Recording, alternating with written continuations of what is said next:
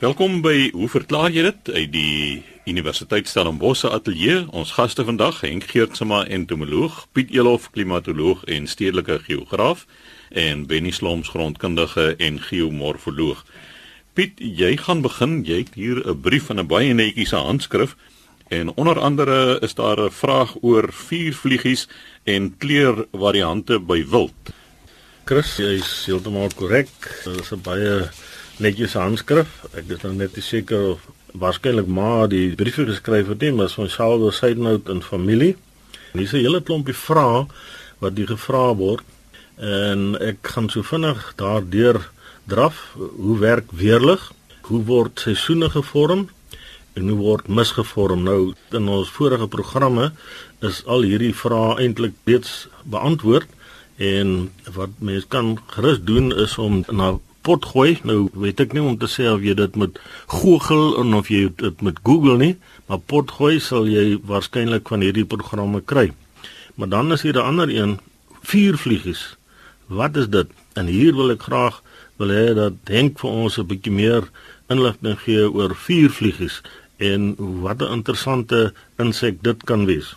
Ja, vuurvliegies. Dis nou interessant. Jy vra nou moet 'n bietjie meer inligting gee, maar ek het ook 'n brief gekry van Hugo Slabbert. Of eintlik, die brief kom van Anita de Jager, maar die brief is geteken deur Hugo Slabbert. So dis twee mense wat nou dieselfde brief geskryf het. Goed. Moontlik hy span die verskynsel bespreek waarvan ons nie bewus was nie.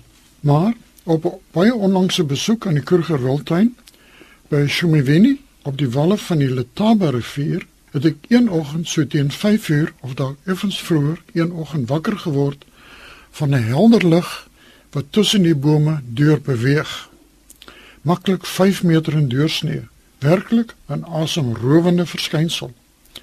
By nadere ondersoek, eers gedink dis dalk 'n meteoriet, want meteoriete sweef natuurlik nie so lekker rond nie. Blyk dit toe dit is 'n reuse vuurbol vuurvliegies. Christonox bestuurder by die kamp het tydens sy jare se verblyf in die wildtuin dit slegs by twee geleenthede ook kon waarneem.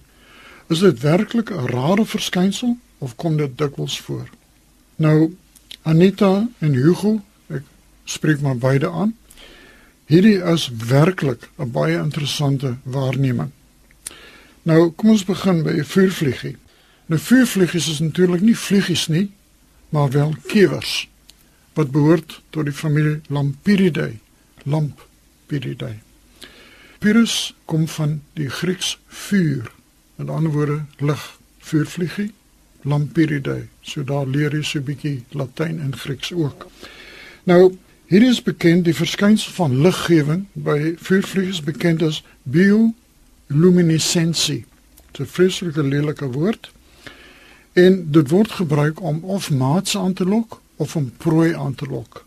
Nou, ek het by 'n vorige geleentheid al gepraat oor hoe hulle die prooi aanlok, want eintlik is vuurvliegies gemeene insekte. Die mannetjie en die wyfie skei 'n sekere kode af. Met ander woorde, die lig word uitgestraal kort, lank, kort of by 'n ander spesies kort, kort, kort of 'n ander spesies lank, lank, kort. Met ander woorde, daar's verskillende kodes by verskillende spesies. Nou, die wyfie sal die mannetjie aanlok deur haar spesies se kode aan te dui. Met ander woorde, die wyfie gee nou 'n kode, lank, lank, kort en die mannetjie weet dit is sy spesies en dis 'n wyfie wat hom brood nodig het. Dan, as hulle klaar gesels het en oor die dieper dinge van die lewe gepraat het, dan is dit nou tyd vir eierproduksie. En daarvoor het die wyfie vuurvliegie proteïnes nodig. Nou waar kry ons die proteïnes vandaan? Van ander insekte, ook vuurvliegies. So wat die wyfie nou doen is, nou verander sy die kode. Nie meer lank, lank, kort nie, maar kort, kort, lank byvoorbeeld. 'n Mannetjie van 'n ander spesies wat daardie kode het, dink hierdie is nou 'n wyfie wat hom brood nodig het. En as die mannetjie nou by hierdie wyfie kom, dan word hy gevang en gevreet as prooi. Dis 'n interessante aspek vir vliegies. Nou, die lig wat hulle produseer is wat ons noem koue lig. Met ander woorde, daar's geen infrarooi of ultraviolet by betrokke nie. As jy mens 'n vuurvliegie omdraai en kyk op sy agterlyf, jy kyk net die laaste twee segmente, sal jy mens sien dat daai segmente is deurskynend. Maar as mens 'n bietjie dieper kyk, sal jy mens sien daar's so witterige materiaal. Partykeer is effens groenerig, maar witterig. Nou, hierdie klomp materiaal word deur lug, deur lugbuisies van die insek.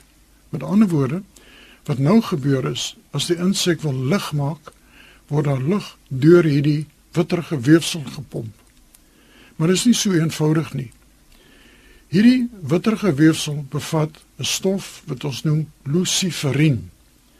Nou van die luisteraars wat Nederlands ken, weet dat 'n vuurtjie staan bekend as 'n lucifer, Nederlands. So, nou die luciferin is dan 'n stof wat lig kan afgee. Maar dit kan net afgee as daar 'n ensiem is of 'n katalisator luciferase. Met ander woorde in die teenwoordigheid van suurstof, luciferinase en luciferin word die lig dan geproduseer. Dit gee geen hitte af nie, soos ek gesê het, dis koue lig en die proses is omkeerbaar. Met ander woorde, met elke pomp van suurstof word daar weer 'n ligflits geproduseer. Nou, die kleur van die lig kan wissel van geel groen tot ligrooi, dit hang af van die spesies. Nou baie van hulle larwes wat op die grond leef, wat natuurlik nie vlerke het nie en natuurlik daar is vuurvliegies, wyfies wat ook nie vlerke het nie. Die is in staat ook om lig af te gee en dis waar die gloeiworm vandaan kom, die Engelse glowworm. So jy het 'n vuurvliegie, 'n firefly en 'n glowworm, twee verskillende aspekte van dieselfde tipe insek. Nou soms is dit net die wyfie wat lig gee. Die larwe self gee lig af nie om maatjies te soek nie, maar as 'n waarskuwing teen prooi. Want ek sal dit nie aanraai nie, kom maar een van hierdie vuurvliegie larwes. Hulle proe ontsettend sleg en aanvallers weet dit, so hulle vermy vuurvliegies. Baie effektief. Want soos jy weet, voed hulle gewoonlik op slakke. Die slak word aangeval Hulle het mandibles wat eintlik in die slak 'n verlammingsgif inspuit sodat die slak nie in sy dop kan terugtrek nie. Dan word met hierdie inspuiting van hierdie spysverteringssappe wat dien ook as 'n verlamming van die slak, word spysverteringssappe ingespuit in die slak. Dit doen sy werk en dan die sop word dan weer opgesuig.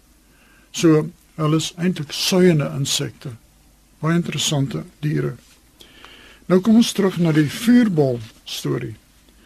Nou veral baie vuurvliegies veral in die warmer wêreldstreke, Suidoos-Asië, selfs Sentraal-Amerika, sinkroniseer hulle liggies. Met ander woorde, byvoorbeeld in die Filippyne, is dit bekend dat duisende vuurvliegies in die lug van dieselfde spesies sinkroniseer hulle lig. En jy weet, een lamp maak lig, maar baie lampe maak meer lig. En dan kry mense hierdie vuurbol.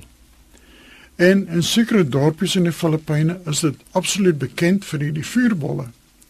Maar nie net in die Filippyne nie, ook in Maleisië op die walle van die riviere in die oerwoud.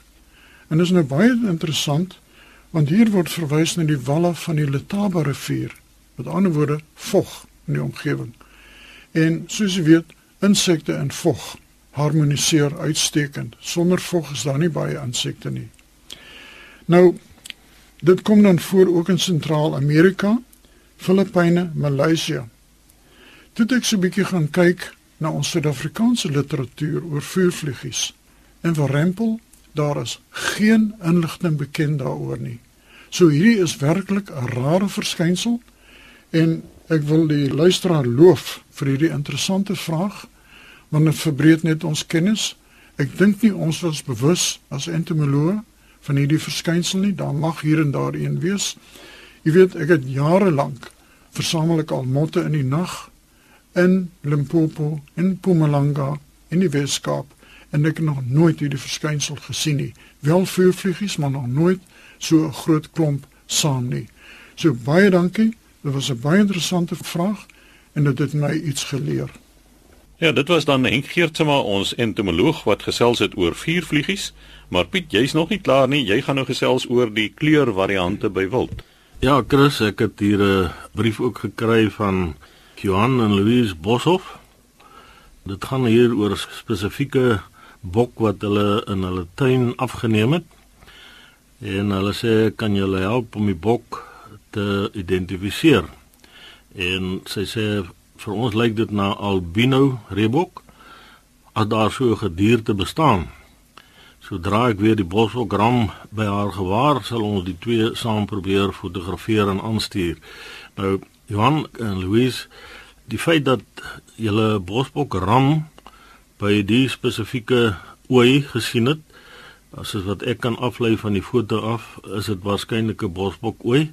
En nou moet 'n mens ook natuurlik dink aan die gedragspatrone van hierdie diere in Chris nou beweeg ek bietjie weg van die geografie af, maar as geograaf stel ek ook belang in die natuur wat rondom my aangaan en 'n ou se waarnemingsvermoë is maar daar.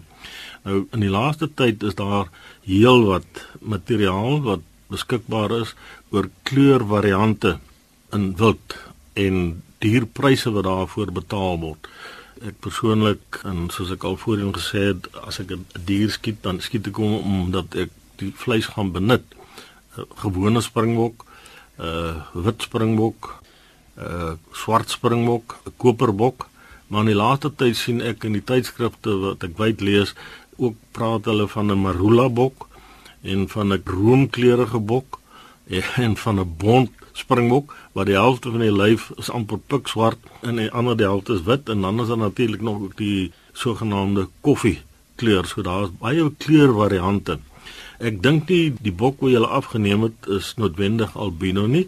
Een van die aanduidings as ek dit reg het, as jy albino bok het en jy kyk na sy oë dan sal daardie oë pink wees terwyl Ek het persoonlik al voorbeelde gesien van wit springbokke wat in die Karoo voorkom met swart dorings en dan verder in die Oos-Kaap met meer bruinerige horings, maar die oë is nog altyd so. Dit gaan als oor die pigmentering van die vel en uh, soos ek sê, ek het 'n bietjie gaan gesels met professor Terry Robinson en hy het nou mooi vir my verduidelik hoe hierdie probleme kan ontstaan of hierdie verskillende kleurvariasies verstaan. Natuurlik die probleem is net dat wanneer jy so 'n kleurvariasie het en in die omstandighede waarin ons wildboere nou boer is dit kampe en dan hou jy daai bokke eenkant en dan beteken dit vir my gewoon dis lynteeling om daai spesifieke kleur te behou onder daardie bokke. Maar nee, dit gaan nie oor bokke nie. Uh, by geleentheid het my seun gaan eystervarke jag een aand en die mannetjies het daar in die berg gehardloop met hulle drie honde in een flits. Natuurlik baie noordsdoring daar in Stellenbosch.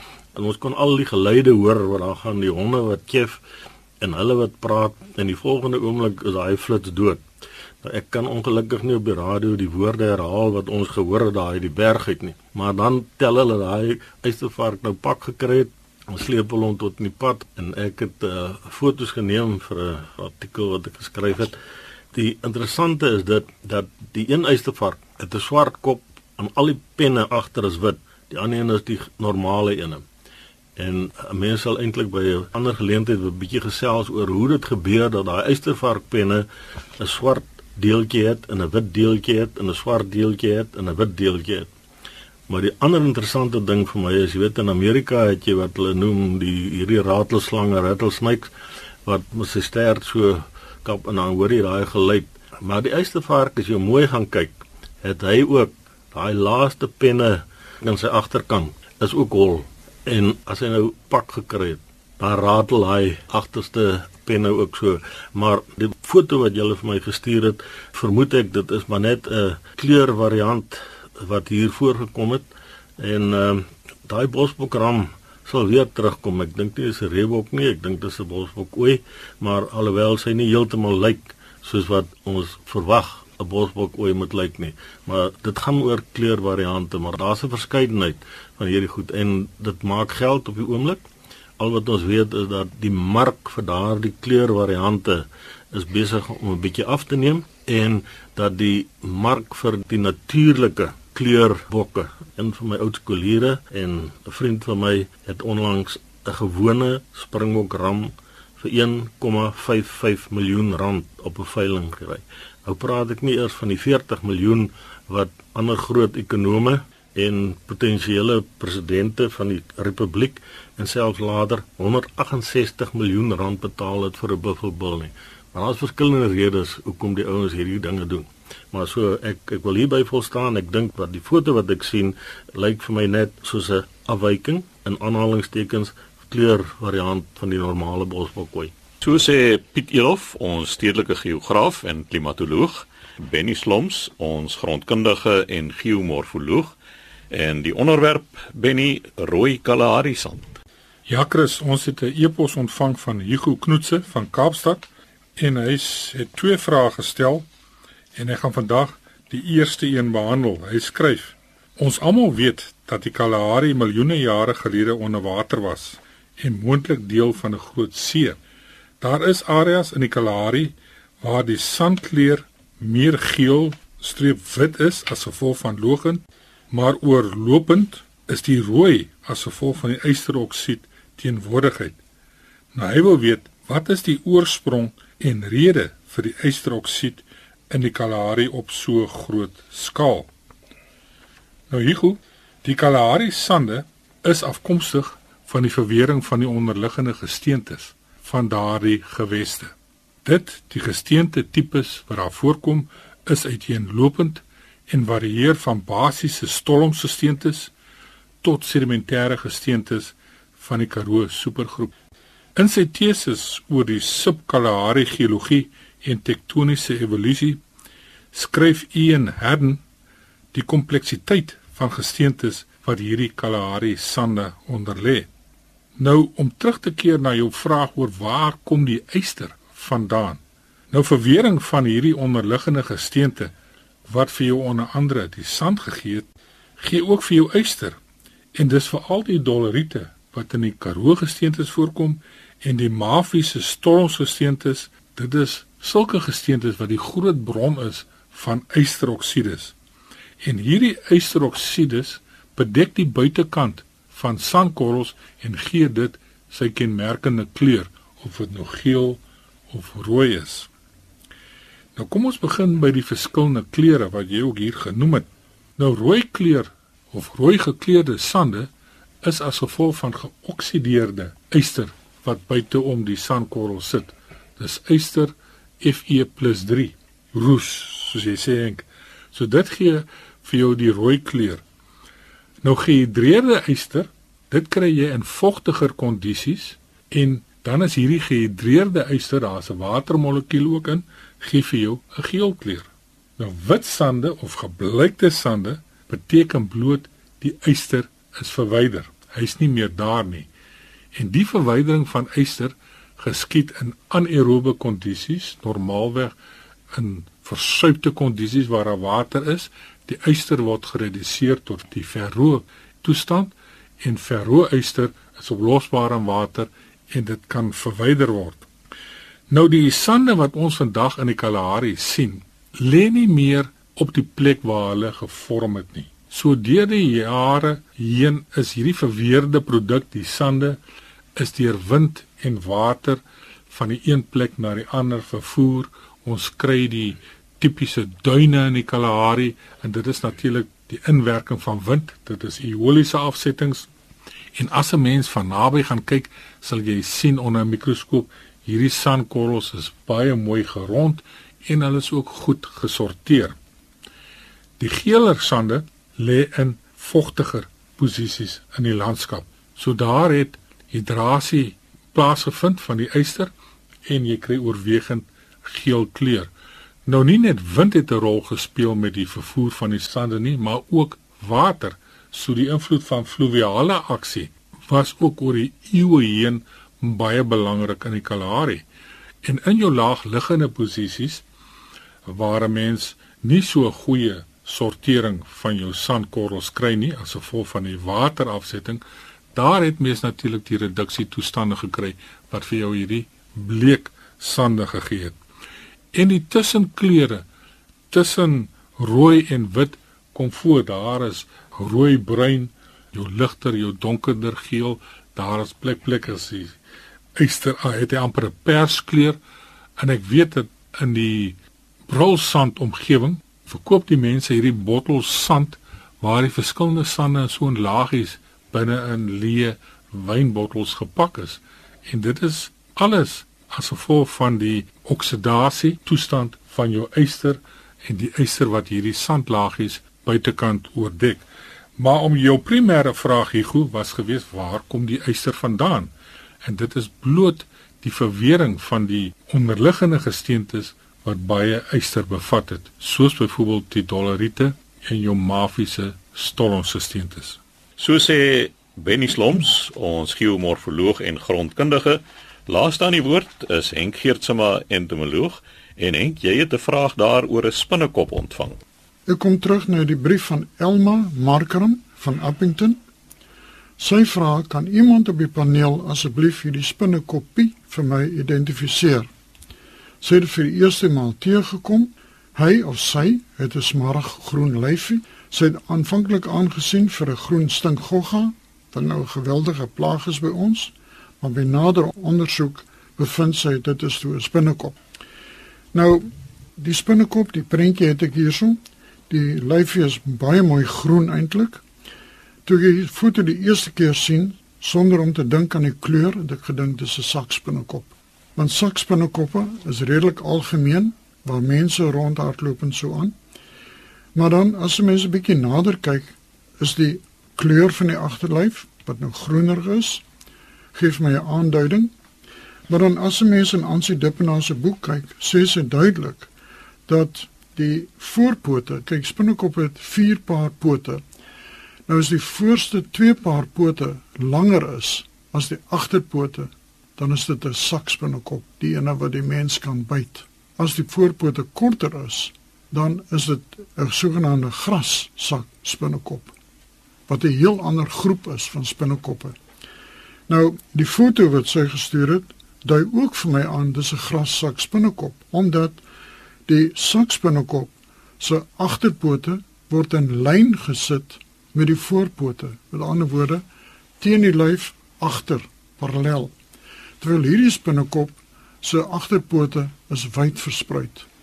So Dis gelukkig nie 'n giftige een nie, maar hoekom ek aanvanklik gedink het dis 'n sakspinnekop, is as mens kyk na die kop van hierdie spinnekop, sal mens sien daar's 'n swarterige voorste gedeelte wat natuurlik kenmerkend is vir die sakspinnekoppe. So dit is naby, maar dit is nie dieselfde nie. Nou hierdie spinnekoppe is klein tot middelmatig groot. Met ander woorde kan baie klein wees. Dit behoort tot die genus Clubonia, grasakspinnekoppe dit rondlopende jagters en is eintlik meer buitediere. Terwyl die sakspinnekop wat die mense aanval, hou daarvan om binnenshuis te wees. Hulle kom voor op plante groei, blare, bas en blare op die grond self. So hulle spin nie 'n web of webbe self of neste nie, maar wel 'n skuilings. En in die skuilings skuil hulle bedags of lê eiers of kruip net weg. Maar dit is nie 'n werklike nes of 'n web nie. So hulle kruip weg tydens vervelling, en natuurlik spinnekoppe, net soos baie ander artropode, moet vervel. En wanneer 'n artropoot vervel, dit kan nie beweeg nie want die huid is nog sag, so dit moet eens hard word, so hulle gebruik hierdie skuilings om te vervel en dan om eiersakkies in te lê. Daar's omtrent 28 spesies in Suid-Afrika, maar weer eens Die groen is baie baie groen, nie soos in die boeke van Ansie Dippenaar nie, maar dit is 'n baie mooi foto en hierdie spinnekop kan jy gerus maar met vrede in die tuin laat. So sê Henk Geertsma, ons entomoloog, die tyd het ons ingehaal. Skryf gerus aan ons by hoe verklaar jy dit posbus 2551 Kaapstad 8000 of stuur 'n e-pos aan chris@rsg.co.za.